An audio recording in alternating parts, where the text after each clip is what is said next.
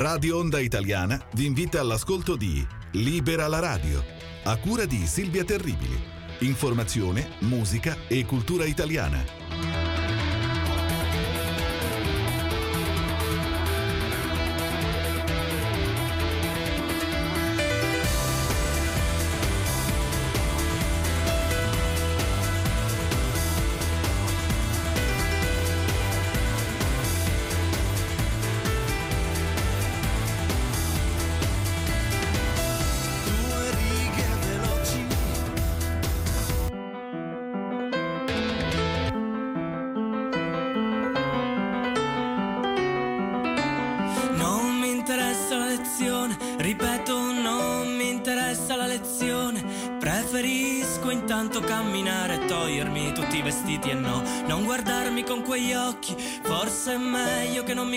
Con quegli occhi. Tienitela tu l'università, la burocrazia, il socialismo nelle dispense di un massone. No,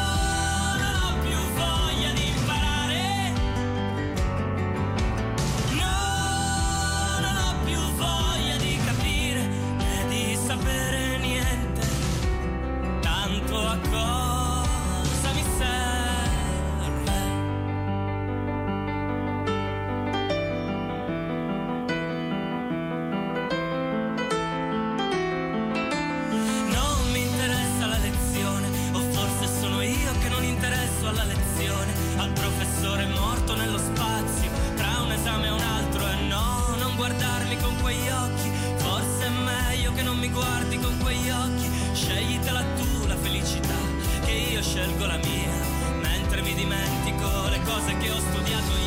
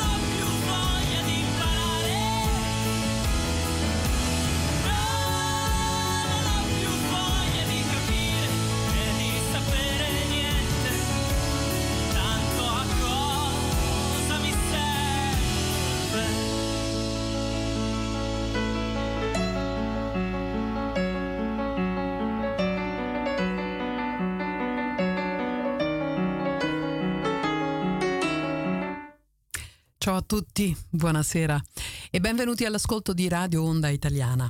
Questa è Libera la Radio da Amsterdam.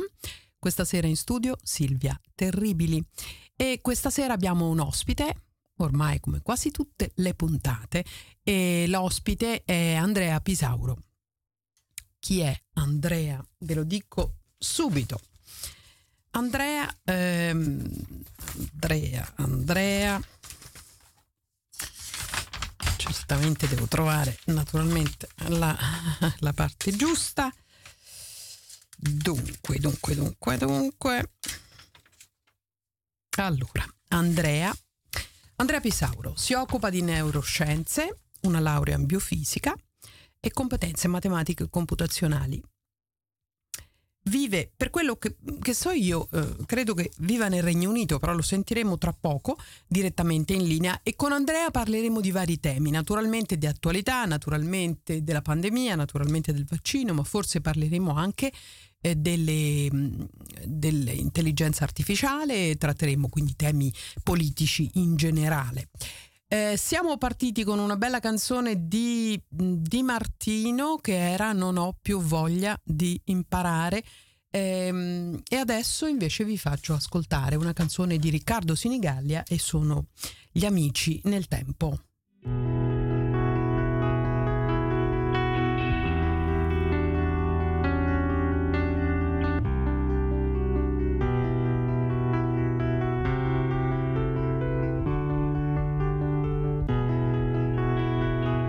Scusate, ho fatto un piccolissimo, piccolissimo errore. Questi sono gli amici nel tempo.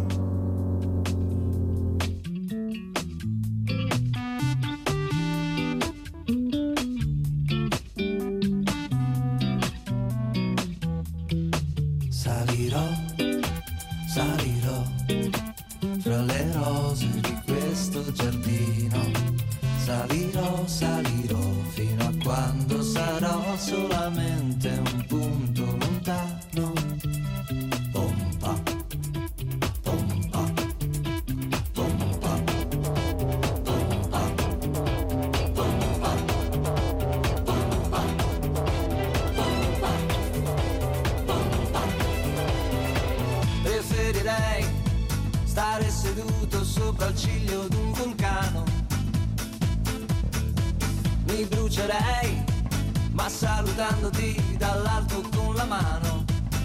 Ah, e invece sto sdraiato, senza fiato. Scotto come il tagliolino al pesto che ho mangiato il resto. Qui disteso sul selciato ancora un po', ma prima o poi ripartirò.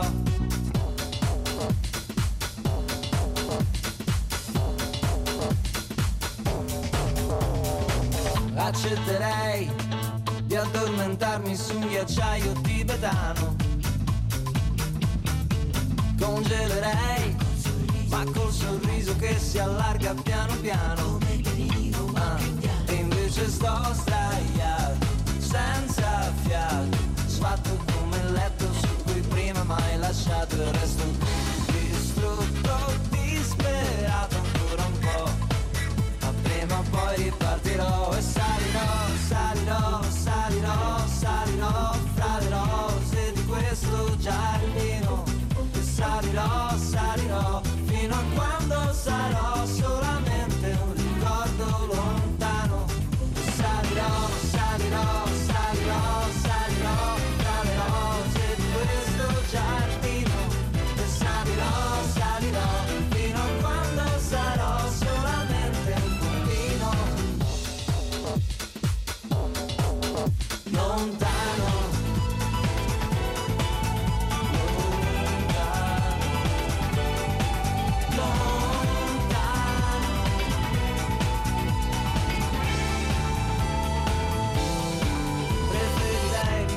ricominciare piano piano dalla base tra le rose lentamente risalire. E prenderei tra le mie mani le tue mani e ti direi amore in fondo non c'è niente da rifare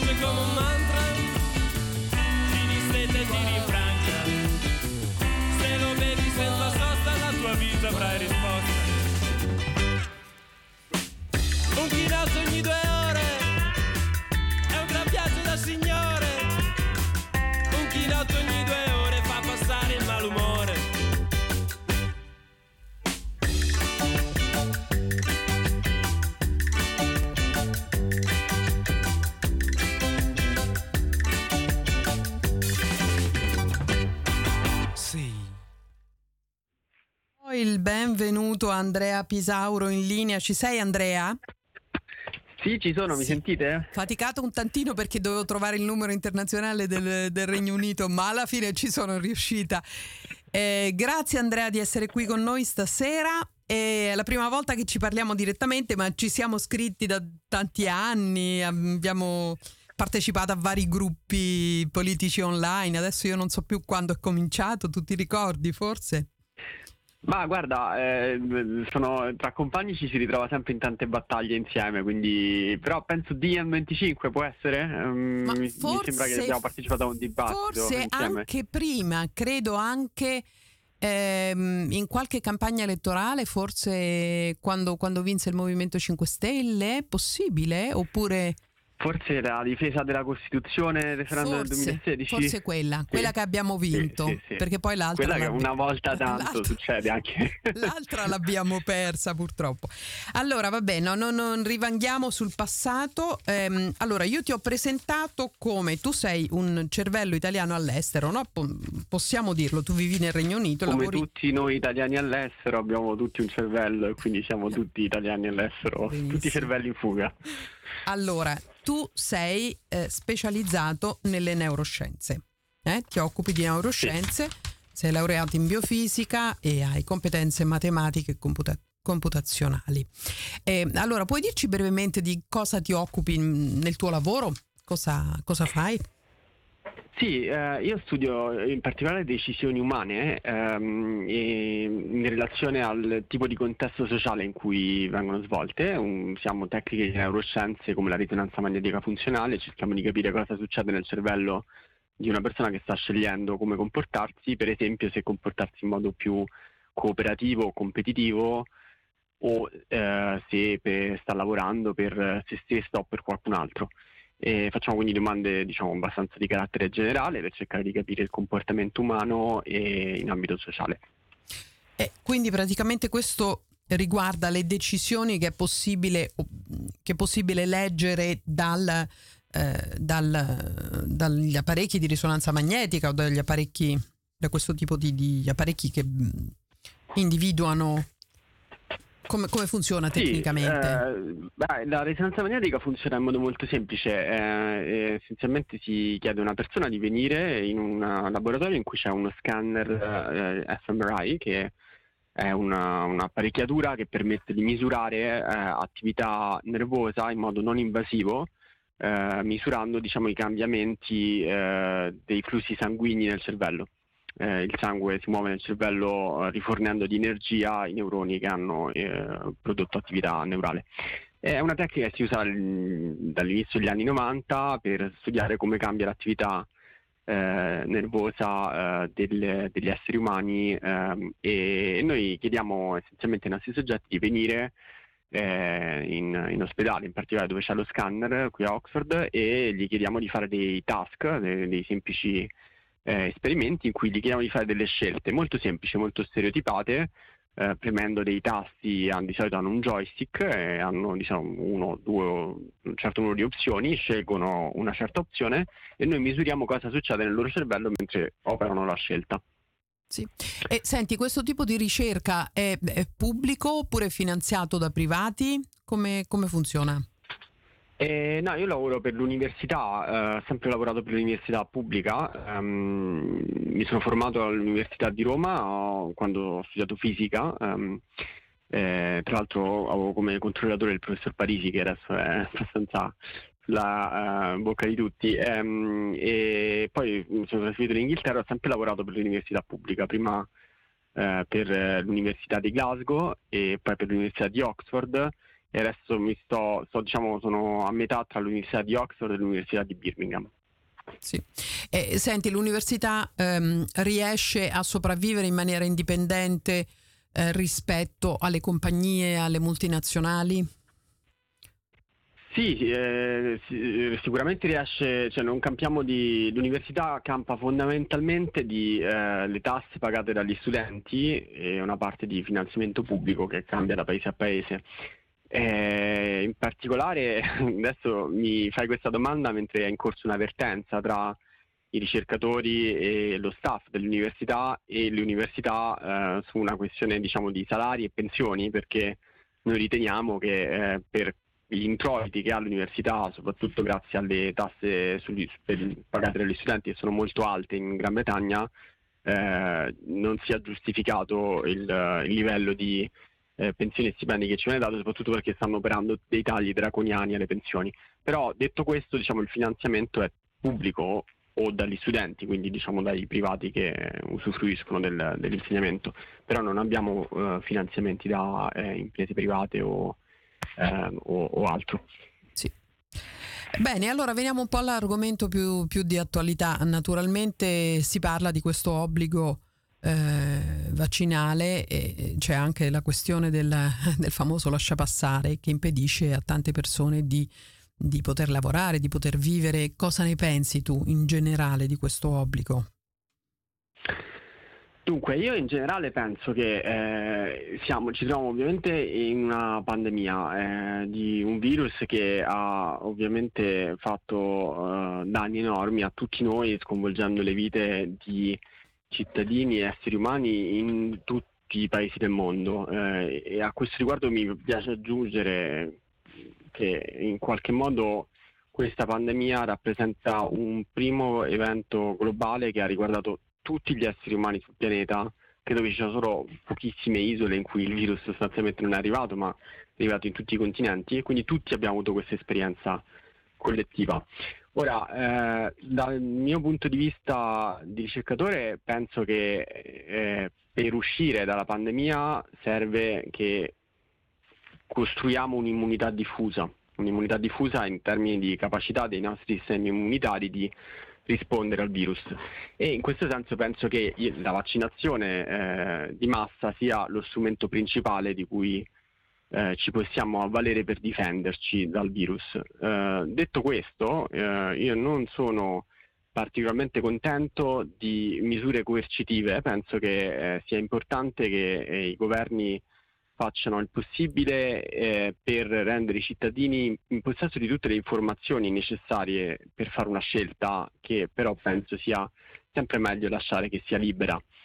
E quindi trovo che in Italia in particolare eh, si sia andati troppo oltre nel eh, forzare la mano per imporre eh, la vaccinazione, in particolare se c'è un obbligo eh, per eh, chi ha oltre gli 50 anni e eh, con la normativa su Green Pass si è reso molto stringente, molto difficile per chi non è vaccinato di lavorare, ehm, costringendo a diciamo, grossi problemi eh, praticamente test, sì, eccetera. mandando alla fame, insomma chi non chi, chi si rifiuta. Ma scusa, però la, l'incongruenza è che eh, praticamente con il Green Pass in Italia eh, si ha una licenza di, di, infettare chiunque perché sappiamo benissimo che eh, anche i vaccinati possono infettarsi e infettare e quindi questa falsa sicurezza che viene data e soprattutto questa divisione poi che si crea questa specie di apartheid per cui si ha paura di quello che non si è vaccinato automaticamente anche se, senza avere nessuna prova. Voglio dire se uno ti sta lì davanti che sta tossendo che sta, dici vabbè quello sarà malato ma una persona ehm, che sta bene che sta sana che non ha nulla perché dovrebbe essere un pericolo per la tua salute? Allora, eh, da, ci sono due aspetti da considerare. Uno è quello della del fatto che eh, la vaccinazione, tu dici, non previene il contagio, è vero, la vaccinazione però allo stesso tempo riduce la probabilità di contagiare il prossimo. A parità di qualunque altra situazione, essere vaccinati o anche essere precedentemente infettati, cioè avere un po' di immunità nel proprio corpo, riduce la possibilità che qualora si venga infettati di nuovo lo si trasmetta. Detto questo, è vero quello che dici sul fatto che essere vaccinati non garantisce eh, il fatto di non trasmettere il virus e da, dal mio punto di vista eh, penso che i governi abbiano scelto la strada del Green Pass, tra l'altro non è una cosa che è successa solo in Italia, forme simili ci sono in, anche in altri paesi europei. Ma in questa forma estrema però è solo l'Italia. Eh? L'Italia è stata... In Olanda non è mai stato così, non se ne è mai parlato. Beh, di, diciamo l'Olanda e l'Italia sono forse due eh, paesi che sono agli opposti estremi, cioè l'Olanda è estremamente libertaria, se vuoi, l'Italia è estremamente dirigista. Questo è anche un fatto culturale, nel senso che eh, l'Italia è sempre stato un paese che eh, tende a normare tutto, mentre l'Olanda è sempre stato un paese... Eh, L'Olanda comunque ha introdotto un, una specie di QR code che è un Green Pass di fatto, però e quindi ha limitato moltissimo eh, la possibilità di andare a un teatro, di andare a un concerto, di, di, di, andare in palestra, di andare in piscina, però non ha mai imposto per il lavoro. Cioè questa secondo me è la, la, il problema più grave dell'Italia perché fino a che togli la possibilità di, di, recarsi in luoghi affollati, la discoteca, il concerto, questo mh, mm, può essere mh, mm, comprensibile, ma il problema grave dell'Italia è la, aver inciso sul, sul lavoro, cioè praticamente dovrebbero far la fame le persone che, che non accettano di inocularsi. Beh, secondo me mh, sarebbe stato importante anche per dare un segnale diciamo distensivo a, ai cittadini quello di creare le condizioni perché i test fossero pressoché gratuiti, nel senso che se viene detto al cittadino tu puoi scegliere di vaccinarti o di avere un test gratuito però che ti do io in modo gratis per poter sapere se hai il virus, secondo me sarebbe stato un compromesso uh, più accettabile per tutti e più giusto. E io più volte ho argomentato che secondo me la strada del fornire gratuitamente sia il vaccino che il test sia la strada migliore per uno Stato che sia credibile. Ovviamente in Italia poi si è creata anche una dinamica politica uh, che ha um, puntato per via dell'assetto di governo fondamentalmente nella marginalizzazione dei non vaccinati dal, dallo scenario politico e anche su un certo livello di, non voglio dire... No, di, di, aggressività, no? Il, il, cleavage politico eh, passava di lì sì. e quindi anche per questo si sono state fatte le scelte sono state più aggressive e che io non ho condiviso. Appunto, secondo me sarebbe stato molto meglio eh, avere una gratuità dei test eh, e anche ehm, diciamo rendere meno cogente l'obbligo Chiaro che eh, mm, eh, c- c'è una dimensione, il virus si trasmette di più al chiuso, quindi chiaramente eh, il luogo di lavoro se è al chiuso è un luogo di contagio, come anche sono state le scuole, come tutto quello che è al chiuso. Però hanno imposto al... l'obbligo anche a chi era in smart working, cioè questa è una follia, no? Eh, esatto, cioè, eh, sarebbe importante che si, ci, sarebbe stato meglio se fosse stato estremamente eh, chiaro il, il, legame tra il Green Pass e diciamo, le, l'aspetto e, e anche la percentuale di rischio, perché in certe professioni il rischio è altissimo e, e in altre professioni è praticamente nullo. Eh, Certo, e anche un controllo più mirato, no? Un cont- perché si può anche dire lì c'è un cluster, possibile cluster, allora testiamo tutti, siamo più sicuri. Eh, infatti, c'è una cosa mm, più, mh, mm, più legata alla, al vero rischio. C'è un rischio grande e allora devi intervenire in maniera drastica c'è un rischio relativamente mm, nullo come nello smart working, però abbiamo visto insomma, però capisco che anche tu sei, mm, non condividi la posizione così drastica mm, assunta dal governo italiano. Insomma. No, è troppo, troppo drastico il governo, eh, mi viene da dire pure che appunto uh, se da una parte posso capire l'elemento semplificatorio, cioè dare una regola uguale per tutti, rende la regola più chiara e quindi più uh, attuabile, però sono altrettanto d'accordo con te che sarebbe stato anche giusto adattare ai profili di rischio, quindi per esempio eh, secondo me l'Italia avrebbe fin dall'inizio dovuto attrezzarsi per testare molto di più e quindi anche rendere i test disponibili in una misura maggiore nei luoghi in cui l'epidemia cresceva, perché poi l'abbiamo visto, l'Italia forse ha reagito prontamente alla prima ondata, ma già dalla seconda, eh, che ancora c'era il governo precedente, ma insomma comunque la seconda ondata in Italia è stata molto, eh, eh molto dura e eh, allo stesso tempo diciamo, si potevano fare scelte diverse fin dall'inizio. Sì. Detto Ma... questo appunto Sì, anche il discorso dei test, voglio dire, si è scelto per un test mh, mm, mm, molto più complesso eh, che richiede, credo, 24 ore, l'analisi del laboratorio, l'amplificazione dei cicli, con il rischio anche che questi eh. cicli, non so se tu mm, conosci la problematica, diciamo 17 cicli sono normali e hai un quadro reale. Se vai sopra i 17 cicli di amplificazione trovi il virus anche dove non c'è, quindi questo unite al fatto che hai così, un lasso di tempo così lungo, esistono dei test mh, rapidi che in un quarto d'ora ti danno un quadro. Non saranno perfetti come non lo è l'altro test, però perlomeno hanno il vantaggio che tu in un quarto d'ora sai subito se quella persona è potenzialmente a rischio, in maniera molto meno invasiva, molto meno costosa. L'Italia ha scelto di di non, non, seguire assolutamente questa strada logica che è quella del test semplice e pratico che fai lì e in, quart- in, un quarto d'ora sai benissimo se hai una persona potenzialmente a rischio oppure no. Perché dover aspettare 24 ore significa che tu vai in giro, vai nei mezzi pubblici, incontri altre persone, poi dopo 24 ore ti dicono ah eri positivo. Eh, questo non ha senso, certo, no? No, no, no, ma è chiaro, ed è chiaro anche che è stata scelta la strada, diciamo, eh, de, de, dei pochi test a pagamento per risparmiare sostanzialmente. In Gran Bretagna per esempio ci sono questi test di cui parli, ehm, test sì. rapidi che danno un risultato in 15 minuti, secondo me è stata una cosa giusta e utile. Attendibili, attendibili come gli altri. Veramente hanno lo stesso. Un, me- un, po meno, nel senso che eh, se ti dicono che ce l'hai, cioè sono molto eh, sensibili, però a volte non, non, riescono, cioè ti danno un risultato negativo quando sei positivo, ma se ti dicono che sei positivo puoi star certo che lo sei e quello è importante perché eh, scremano, cioè danno alle molte persone positive immediatamente l'informazione sì. che lo sono e quelle poi non vanno in giro. Quindi per me sarebbe stato molto importante avere uno schema di quei test a milioni eh, da distribuire anche in Italia. Non lo si è fatto fondamentalmente per risparmiare. Sì.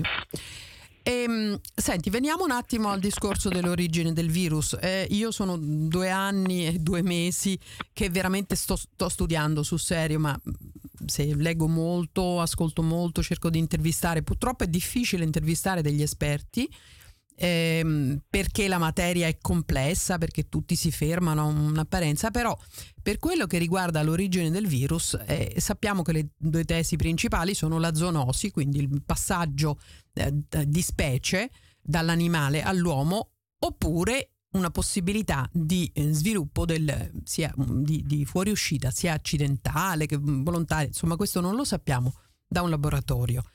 Eh, tra queste due tesi, quale è più attendibile secondo te?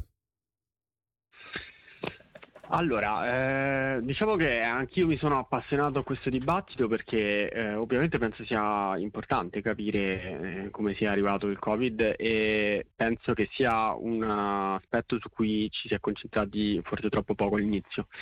Eh, diciamo che è difficile dare un'opinione precisa su questo tema e io stesso non ho una certezza di nessun tipo e so solo quello che ho letto indagando. È chiaro che da una parte sappiamo che le, la zoosi, cioè l'origine naturale eh, da, da, altre specie, eh, è qualcosa che è accaduto costantemente nella storia dell'umanità e per quasi tutti i virus che hanno prodotto pandemie abbiamo la certezza documentale di come è avvenuto il contagio da una specie all'uomo. Eh, è chiaro altrettanto che c'è questa circostanza piuttosto singolare che eh, la pandemia è partita da Wuhan, che era anche il luogo in cui c'era eh, il Wuhan Institute of Virology, che è uno dei più importanti centri al mondo per lo studio dei coronavirus ehm, del tipo appunto del Covid. Quindi questa coincidenza ha fatto sospettare molti, compreso anch'io, devo dire che mi è sembrata una circostanza piuttosto singolare, eh, e ha portati a ritenere che eh, il virus possa in qualche modo essere uscito dal laboratorio. I modi in cui sono stati ipotizzati sono tanti e spaziano dalla teoria cospirativa totale in cui il virus è stato creato apposta per essere rilasciato e fare una strage, a quelli che dicono no, magari semplicemente è stato un evento accidentale, come può succedere in qualunque laboratorio che un agente eh, patogeno che è eh, studiato per errore venga rilasciato. Ci sono tutte le gradazioni intermedie di queste teorie e la, la realtà è che non lo sappiamo ancora, nel senso che non abbiamo nessuna prova documentale che il virus possa essere uscito dal laboratorio, ma non abbiamo nemmeno una uh, prova definitiva che ci sia un'origine naturale, nel senso che non è stata trovata né la specie di passaggio. Intermedia. Eh, si sa che questi, esatto, mm. perché si sa che questo virus è un virus che viene dalla, dai pipistrelli, però si sa anche che i pipistrelli a Wuhan non ci sono e quindi ci si chiede come ha fatto il virus arrivare dai pipistrelli che vivono in... Ma poi non si ammalano, da quello che ho capito, non si ammalano neanche i pipistrelli. No, esatto, i pipistrelli sono una specie interessante perché mm. sono, sembrano essere una specie ospite di una vasta popolazione di virus che loro appunto permet- sono degli ospiti che gli permettono al virus di sì. riprodursi senza ammalarsi, senza morire. Sì. Ehm, e quindi sì. Il problema infatti è questo, che c'è un, un, una parte di, del virus del pipistrello, poi sembrerebbe che c'è una parte del, del virus del pangolino, però com'è possibile che il virus del pipistrello e quello del pangolino si siano incontrati e poi in quale animale? Non, sembra che gli, i cinesi, no, è sicuro che i cinesi hanno comunque esaminato non so, tantissime, ma forse decine di migliaia di, di animali e non, ha, non, hanno trovato il virus da nessuna parte. Quindi l'ospite intermedio non è stato trovato. Dove invece è stato trovato un possibile ospite intermedio eh, ma sono i topi umanizzati, cioè sono i topi di laboratorio nei quali vengono fatti esperimenti di tutti i tipi e quindi anche inoculati virus di vario tipo e in questi topi potrebbe essere avvenuta la famosa ricombinazione. Sì, allora, um, hai detto giustamente i cinesi hanno cercato a lungo e non hanno trovato. Effettivamente questa è una circostanza che a due anni dall'inizio della pandemia eh, fornisce qualche grattacapo a chi sostiene diciamo, la teoria dell'evoluzione naturale perché non è stata trovata la specie di passaggio. Sono state fatte delle scoperte di eh, appunto, genomi simili eh, a quello del virus in pipistrelli appunto, ma non è stata trovata una specie di passaggio e anche la storia del pangolino è stata un po' ri- rivista eh, non Perché non si capisce come può esserci stato un contatto tra animali che vivono in, in habitat completamente diversi. Eh sì, parliamo esatto, cioè eh, Wuhan è una metropoli che sta in, cioè, a migliaia di chilometri dai pipistrelli che hanno il eh, sì. virus simile al coronavirus e Pangolino.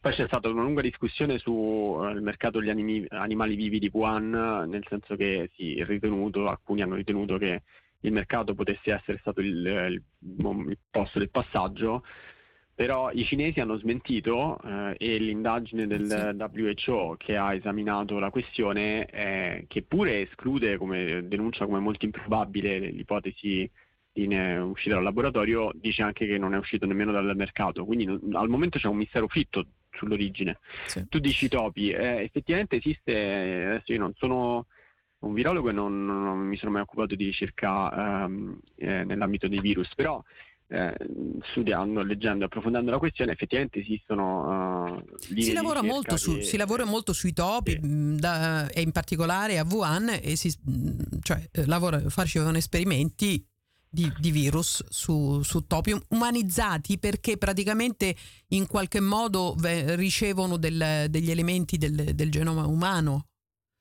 quindi sì, sì, le eh... reazioni di questi topi possono essere eh, ravvicinate a quelle degli umani.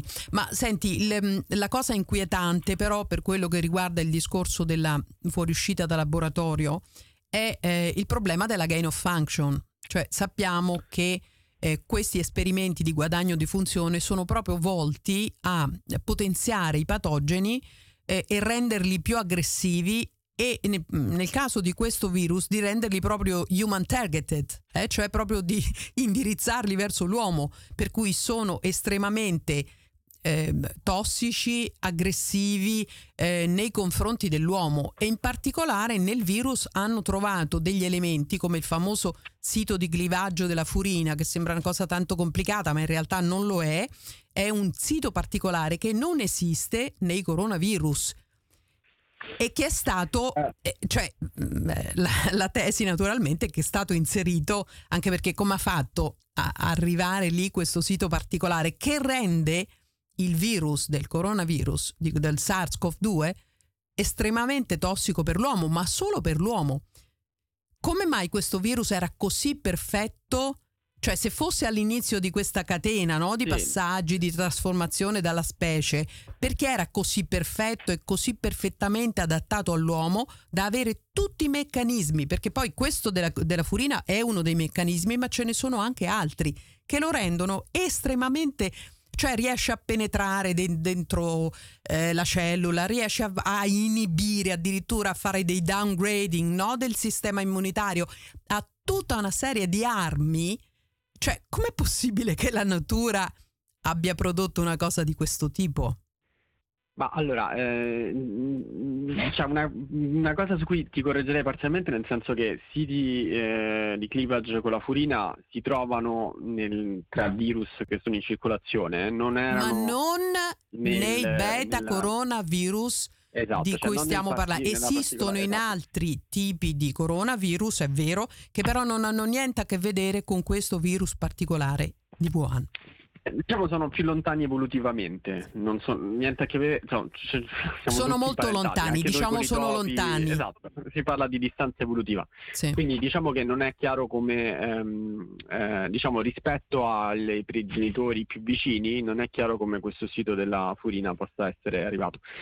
Detto questo, tu mi chiedi degli esperimenti di guadagno di funzione. Allora, io trovo, da, io faccio, mi occupo di tutt'altro all'interno della mia ricerca e quindi non voglio dare giudizi tagliati col coltello. Però, detto questo, da cittadino, il fatto che nella virologia si lavori per produrre agenti più patogeni e eh, più capaci di infettare l'uomo, eh, mi crea un po' di disagio perché eh, per quanto io riconosca l'assoluta importanza di studiare i meccanismi di trasmissione e di diffusione di un virus, creare virus più contagiosi e eh, potenzialmente più perniciosi non mi pare necessariamente una buona idea e penso che eh, sia molto importante che vengano fatti scrutini molto eh, seri su questo tipo di esperimenti, si consideri eh, veramente se sono necessari e vengano adottati i massimi criteri di sicurezza eh, nel- nei laboratori in cui si fanno esperimenti con i virus, cosa che nel, mi pare giusto ricordarlo, è stato denunciato da più parti come nell'Istituto di Virologia di Wuhan non in tutti i laboratori ci fossero i livelli di sicurezza adeguati al tipo di patogeni che venivano studiati. Quindi sicuramente c'è un tema rispetto alla sicurezza di un certo tipo di esperimenti e eh, c'è un tema che riguarda eh, il futuro della- de- del- di questo tipo di ricerca a prescindere da come si è originata questo tipo di eh, la pandemia da coronavirus perché può essere che eh, sia evoluta da, una- da un animale, da una specie fonte che non abbiamo ancora trovato, ma questo non toglie che l'ipotesi che un nuovo virus esca da un laboratorio continua a non essere una cosa del tutto peregrina, come in qualunque modo sia andata. Quindi è molto importante che si mantenga eh, molto alta l'attenzione su questi temi, anche perché dobbiamo renderci conto anche che la virologia è una scienza relativamente giovane e il numero di ricercatori e di ricerche su questo tema stanno aumentando in modo esponenziale e quindi più si sfrugula, più il rischio che si facciano degli errori Sì. c'è. E poi ci sono tanti anche episodi in cui virus sono usciti da laboratori anche eh, rispetto a coronavirus, quindi stiamo parlando Sì. di pericoli concreti da monitorare. Il rischio è molto alto. La, la cosa che quello che diventa un po' un indizio è che quando nel eh, a marzo-aprile 2020 si è cominciato a parlare di teoria dell'eventuale fuga da laboratorio, c'è stato un documento promosso da, eh, da Peter Daszak e da alcuni altri scienziati eh, in cui c'era proprio la- una presa di posizione chiara, ehm, non una ricerca, ma proprio una presa di posizione in cui si diceva chiunque parli di eh, fuga da laboratorio sta facendo del terrapiattismo, sta facendo delle sta dicendo delle bufale, deve essere assolutamente contrastato, censurato. Infatti per un, un buon periodo eh, addirittura Facebook e YouTube censuravano tutti quelli che provavano a parlare di fuga da laboratorio. Ma la cosa caratteristica è che questo Peter Daszak, lui è il direttore della Eco Health Alliance, che è proprio l'istituto che ha avuto fondi dal governo americano per finanziare ricerca proprio sulla, eh, sulla gain of function a Wuhan e proprio con Xi Zhengli che è praticamente la Batwoman, è quella che ha sicuramente la verità sul virus. Quindi la cosa, cioè quello che fa sospettare è che chi fa questa opera massiccia di debunking addirittura imponendo quasi una censura no? su chi parli, su chi provi a dire ma forse c'è una fuga da laboratorio. È proprio lo stesso che ha avuto i finanziamenti per, eh, per, fare questi esperimenti di grain of function, in particolare per potenziare patogeni, per lavorare sui coronavirus, per andare nelle grotte dello Yunnan a prendere i pipistrelli, portarli a Wuhan e lì fare tutti gli esperimenti e, e, e i passaggi no? per rendere i, i virus più, eh, per adattare i virus mh, mm, all'uomo. E quindi sì, eh, eh, gli indizi sono veramente tanti, cioè non è soltanto la Cina che non parla, no? perché a volte si dice la Cina non parla, eh, ma noi abbiamo i finanziamenti americani, i finanziamenti di Fauci, Fauci ha dato de- regolarmente dei soldi perché gli esperimenti che non sì, si potevano fare negli USA non, non per dava, farli in Cina. Li dava lui personalmente, però sì, certo, ehm, eh, sicuramente una circostanza che ha destato più di qualche sospetto e che eh, ha lasciato eh, personalmente anche me piuttosto basito il fatto che Peter Dajak, che organizzava lettere aperte per smentire la possibilità di una fuga al laboratorio, fosse anche il principale finanziatore del ah. laboratorio ah. da cui si sospettava la fuga. È, è molto sospetta dire, la cosa. Sì, mi viene da dire che mm. però, eh, sebbene sia sospetta e non eh, sia un uh, comportamento trasparente e scientificamente, eh, da un punto di vista della, dell'etica scientifica corretto, quello di non dichiarare il proprio conflitto di interessi nel momento in cui si prende una posizione molto chiara su un dibattito di cui si è ovviamente parte in causa, Detto questo, non la ritengo una prova conclusiva nella misura in cui eh, serve comunque un, un, passaggio fattuale che provi che la mh, dottoressa, la Batwoman che citavi prima, effettivamente sappia cosa sia successo e avere le sequenze geniche che sono eh, conservate all'Istituto di Virologia. Mi viene da dire anche che non ha aiutato il fatto che eh, uno dei primi a denunciare la possibile fuga al laboratorio sia stato Trump, eh, che eh, è andato ben oltre, nel senso che non direttamente lui, ma insomma persone nella cerchia del trumpismo hanno iniziato a denunciare l'idea che fosse un virus cinese prodotto deliberatamente, il che ha reso immediatamente la questione politica ed estremamente controversa nel dibattito americano e il che ha avuto un'influenza a catena su tutto il dibattito anche fuori dagli Stati Uniti. E da un certo punto di vista quello che ha permesso alla teoria, eh, insomma alla necessità di, di, studiare la possibilità che il virus fosse uscito dal laboratorio è stata la vittoria di Biden che ha politicizzato o comunque ha reso il governo statunitense più neutrale sulla questione e quindi ha permesso alla teoria di eh, diventare di dominio pubblico anche in ampi stati dell'opinione pubblica progressista. E il problema è stato principalmente anche che eh, la pandemia ha deciso di comparire sulla scena eh, del mondo nell'anno delle elezioni americane che hanno reso più difficile. Potrebbe non essere un caso.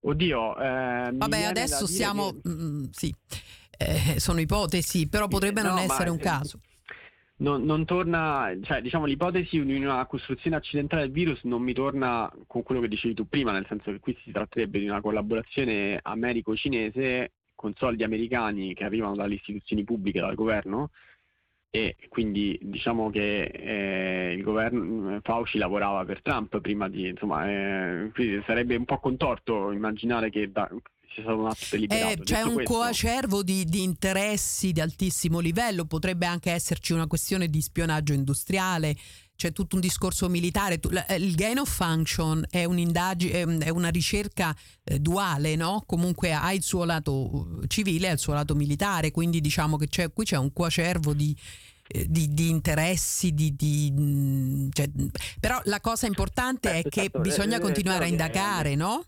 Esatto, quella eh, è, la, è, la, cosa importante è che si continui a indagare, eh, si continui sì. a indagare come... Perché non possiamo correre il rischio di...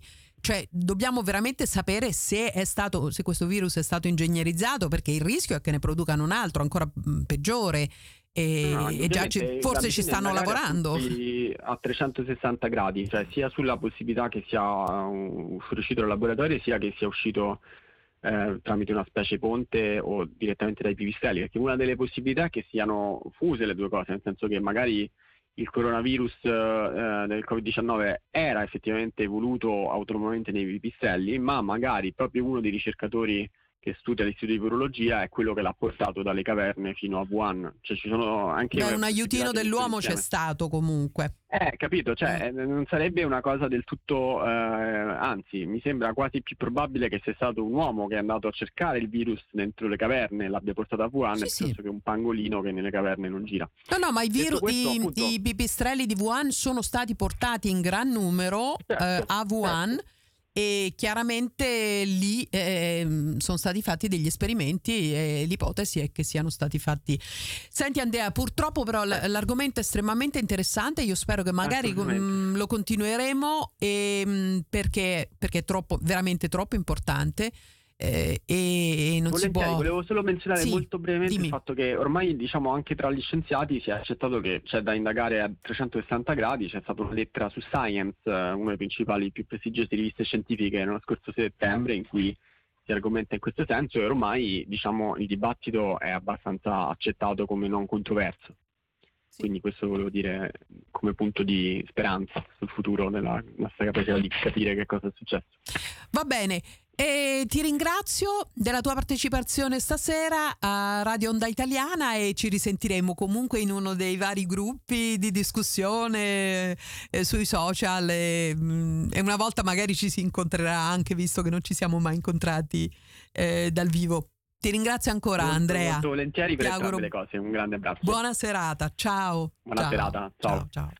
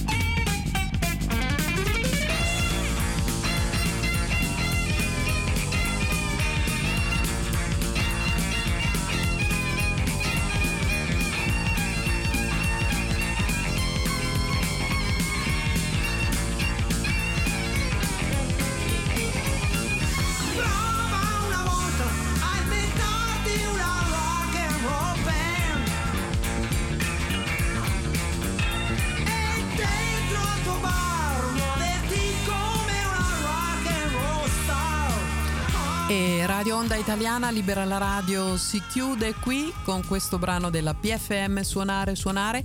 Questa sera l'ospite era Andrea Pisauro, un cervello italiano all'estero, come tanti, tanti italiani. Il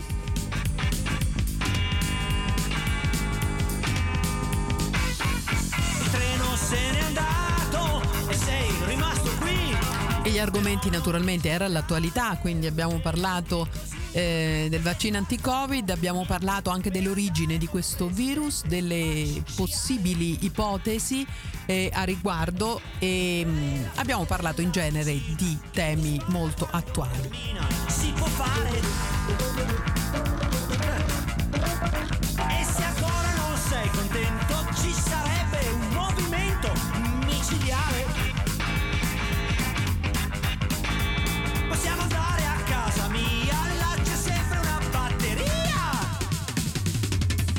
da suonare. Ah, Si può fare. E quindi su queste note io vi saluto, vi do l'appuntamento alla prossima puntata che sarà mercoledì prossimo. E la prossima puntata sarà in olandese e dedicata a un'intervista a Agnes Kant che è direttore dell'AREB che è il centro olandese che si occupa della vaccino vigilanza. Quindi restiamo sempre sul tema di attualità. Un'intervista in olandese eh, la prossima settimana dalle 20 alle 21 sempre su Radio Salto e quindi nel mio programma Voice of the Town in olandese. Grazie ancora dell'attenzione. Silvia Terribili in studio vi saluta, vi dà l'appuntamento alla prossima settimana, lunedì, con il programma di Musica Ribelle eh, Sebastiano e Stefano. È un programma sempre molto frizzante, molto, molto fresco, molto bello e mm, alla prossima settimana. Grazie ancora dell'attenzione.